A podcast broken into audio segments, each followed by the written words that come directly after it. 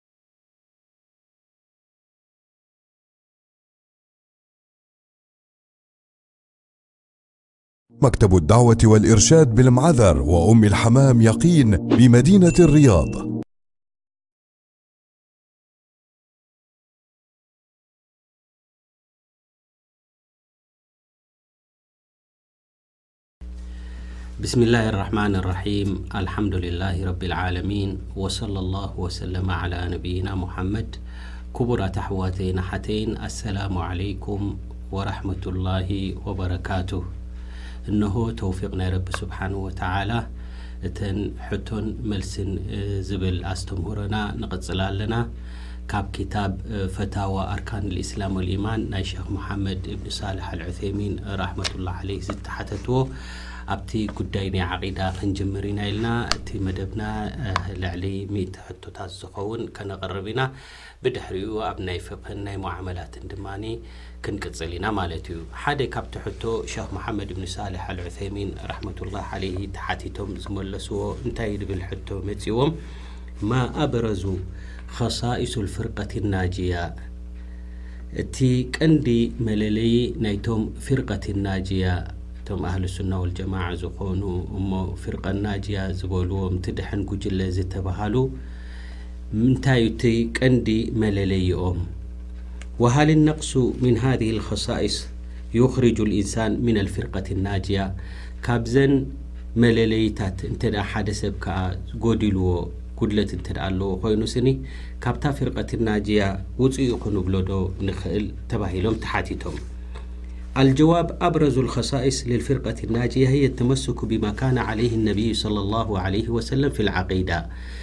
እቲ ቀንዲ መለለዪ ናይዛ ፊርቃ እዚኣ፣ ፊርቀት ናጅያ፣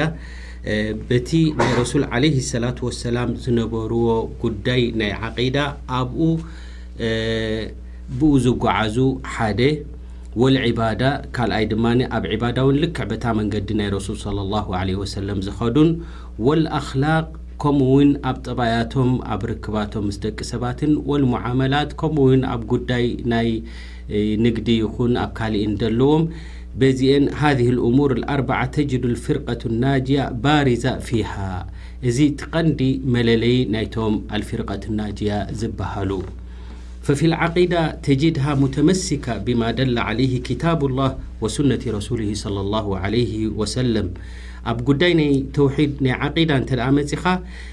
እንታይ ኮይኖም ኢኻ ትሪኦም በታ መንገዲ ናይ ረሱል ሰለሏሁ ዓለይሂ ወሰለም ዝነበረት እምነት ብኣ እዮም ዝኸዱ ኣብ ናይ ጉዳይ ናይ ተውሒድ ፊል ኡሉሂየቲ ፊ ኡሉሂየቲ ላሂ ተዓላ ወሩቡብየቲሂ ወኣስማኢሂ ወሲፋቲሂ ጉዳይ ናይ ኣብ ተውሒድ ናይ ኡሉህያ ይኹን ኣብ ናይ ሩቡብያ ኣስማእ ወሲፋት ልክዕ ከምታ ናይ ረሱል ሰለሏሁ ዓለይሂ ወሰለም ዝነበሩዋ ብኣ እዮም ዝጉዓዙ ወፊል ዒባዳት ተጅዱ ሃዚህ ኣልፊርቃ ሙተመይዛ ፊ ተመሱኪሃ ኣታም ወተጥቢቂሃ ሊማ ካነ ዓለይህ ነብዩ ሰለሏሁ ዓለይህ ወሰለም ፊል ዒባዳት ከምኡ ድማ ኣብ ጉዳይ ናይ ዒባዳት እንተድኣ መጺኻ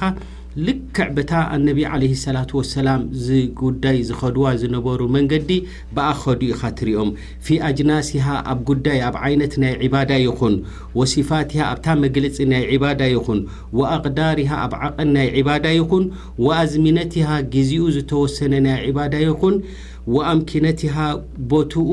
ዝተወሰነ ይኹን፣ ወኣስባቢሃ ዝኾነ ይኹን ምኽንያታት ዘሎ ኣብ ናይ ዒባዳ ልክዕ በታ ናይ ረሱል ዓለይሂ ሰላቱ ወሰላም እዮም ድጓዓዙ። ፈላ ተጂዱ ዕንደሁም ኢብቲዳዓን ፊ ዲኒላህ ኣብ ጉዳይ ናይ ዲን ዝኾነ ይኹን ቢድዓ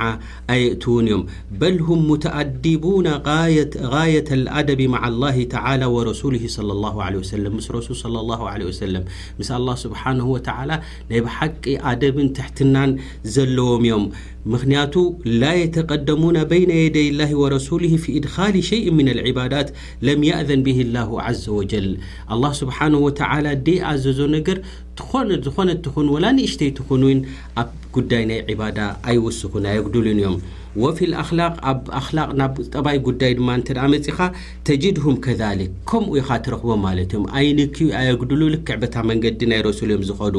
ሙተመይዚነ ዓን ገይሪሂም ቢሑስኒ ልኣኽላቅ ኣብ ጉዳይ ናይ ጠባይ እንተድኣ ርኢኻዮም ፍሉያት ዝኾኑ እዮም ካብ ደቂ ሰባት ማለት እዮም እቶም ፊርቀቱ ናጅያ ንብሎም ዘለና ከመሓበት ልከይር ልልሙስሊሚን ነስላም ኣሕዋቶም ኸይር ይፈትውሎም ኸይር ይደልይሎም ወንሽራሕ ኣሰድር ብስፍሓት ናይ ልቢ ልቦም ከይፃበቡ ምስ ኣሕዋቶም ኣስላም ርክብ ኣለዎም ወጠላቀት ልወጅህ ከምኡ ድማ ፈገግ እንዳበሉ ምስ ደቂ ሰባት ይራኸቡ ወሑስኑ ልመንጥቂ ወልከረም ከምኡ ድማ ኣብ ኣዘራርብኦም ልዙብ ዝኾነ ወሰን ዘይሓለፈ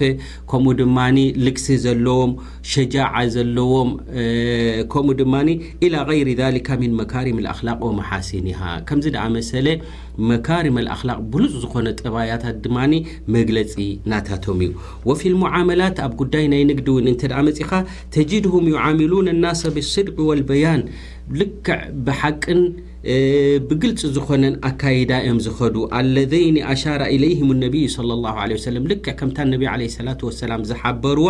ልክዕ ብኣዮም ዝኸዱ ምክንያቱ ነቢ ፊ ቀውሊ ለ ሰላት ወሰላም እንታይ ኢሎም ኣነቢ ለ ሰላት ወሰላም ኣልበይዓን ብልክያር ማለም የተፈረቃ ኢሎም ንግዲ ዝነግዱ ሰባት በቲ ዝተሰማምዕዎ እዮም ድውሰን ክሳብ ዘይተፈላለዩ ማለት እዮም እንተ ተፈላለዮም ላኪን በታ ዝተሰማምዕዋ ብኣያ ትኸይድ ማለት እዩ ፈኢን ሰደቃ ኢሎም ኣነቢ ዓለ ሰላት ወሰላም ኣብዚ ንግዲ ናታቶም ዘካይድዎ እንተ ሓቅነት እንተ ኣለዎም ኮይኑ ብሓቂ ዝኸዱ እንተ ኮይኖም ወበየና ድኾነ ይኹን ጉድለት ናይታ ክሸጥዋ ዝደለዩ ንብረት እዚኣን እዚኣን እያ ኢሎም ድገልፁ እንተ ኮይኖም እሞ ድማ ሓቀኛታት እንተ ኮይኖም ኢሎም ቡሪካ ለሁማ ፊ በይዕህማ ኣብቲ ንግዲ ዝገብሮ ረቢ ስብሓን ወተዓላ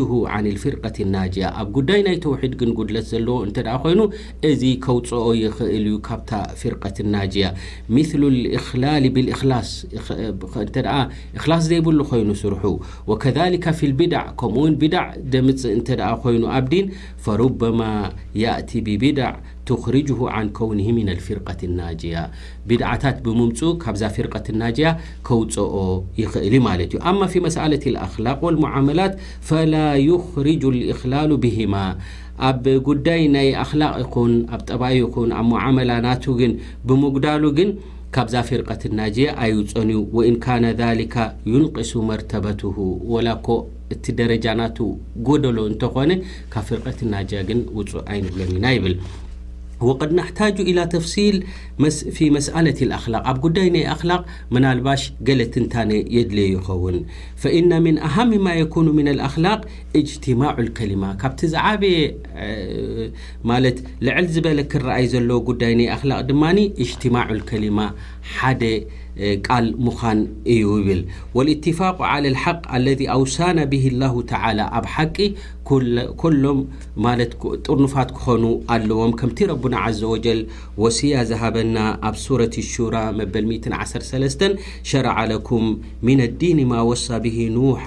والذي اوحينا اليك وما وصينا به إبراهيم وموسى وعيسى أن أقيموا الدين ولا تتفرقوا فيه كم ون وأخبر ان الذين فرقوا دينهم وكانوا شيعة أن محمد صلى الله عليه وسلم بريء منهم كبتم دفلالين ለት ተፈርق ዘለዎም ድማ ኣነቢ عليه الصلة وسላም በሪ ካብኦም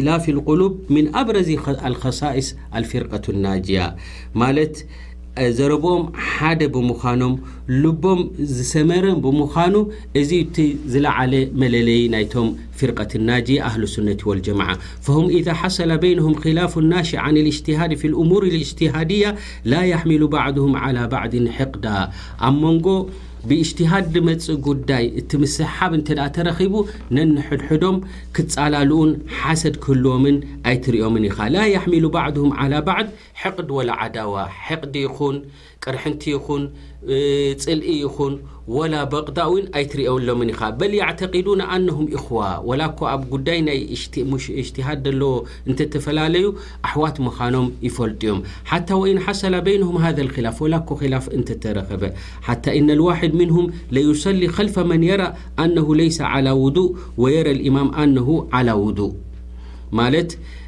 ገለ ገለ እውን ኣብቲ እጅትሃድ ወላ እንተተፈላለዩ ሲ ኣሕዋት ምዃኖም ዝርዩ ወላ እውን ኢሉ ከም ምሳሌ እንታይ ሂቡና ሓደ ሰብ ድሕሪ ምንታይ ይሰግድ ኢሉ ድሕሪ ኢማም እሞቲ ኢማም ስኒ ውድኡ ሳሒሕ ኣይኮነትን ዝብል እምነት እናሃለዎ ከሎ ማለት እዩ ነዚ ምሳሌ ይብል ፈመለ ኣልዋሒዱ ምንሁም ዩሰሊ ከልፈ ሸክሲን ኣከለ ላሕሚ ይብል ሓደ ስጋ ግመል ዝበልዐ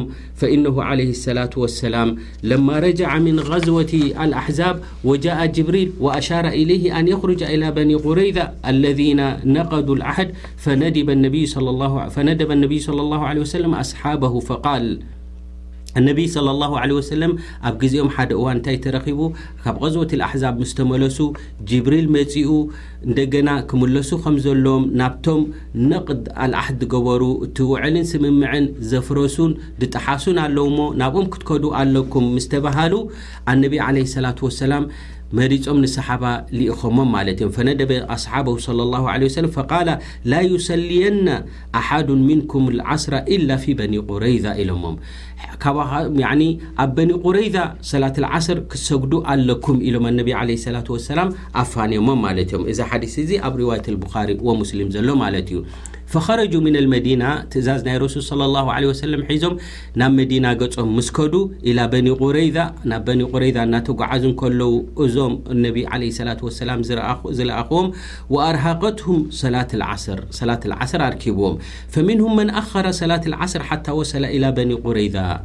ባዕደ ኹሩጅ ልወቅት ገሊኦም እንታይ ኢሎም ኣነቢ ዓለይሂ ሰላቱ ወሰላም ኣብ በኒ ቁረይዛ ስገዱ ስለ ዝበሉና ኣብኡ ኢና ንሰግድ ኢሎም ወቅቲ ናይ ሰላት ልዓስር ሓሊፉ ኣብ በኒ ቁረይዛ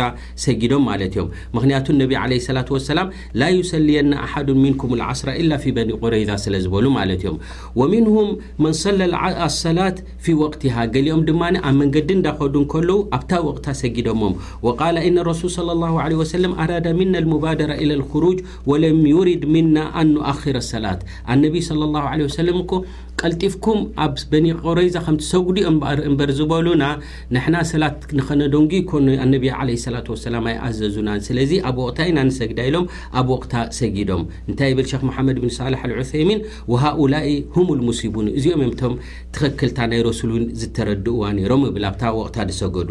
ወላኪን መዓ ዛሊክ እዚ ኩሉ እዚ ተረኺቡ እንከሎ ገሊኦም ሰላት ኣሕሊፎም እቲ ወቕቱ ኣብ በኒ ቁረይዛ ሰጊዶም እንከለው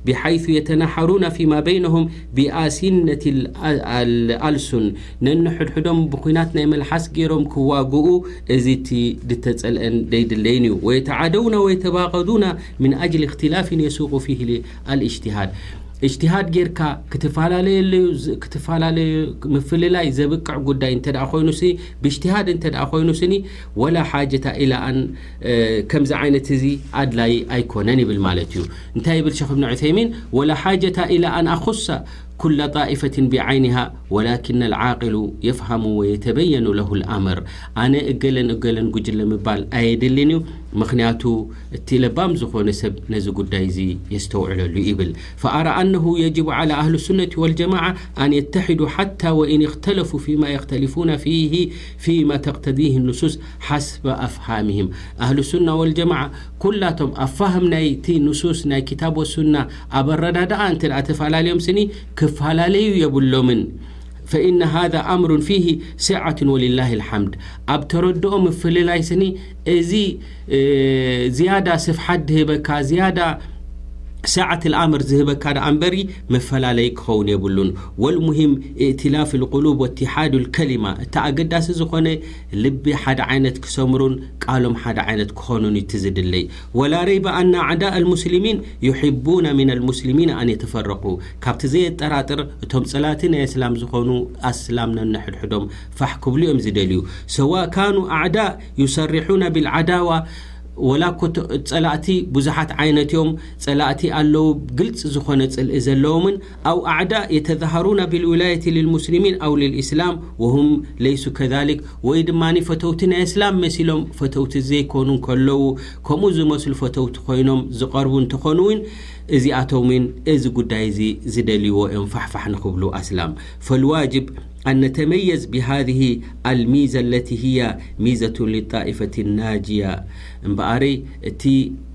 ቀንዲ መለለዪ ዝኾነ መለለዪ ናይ ኣህልሱና ወልጀማዓ ጣኢፋ ኣናጅያ ኣብኣ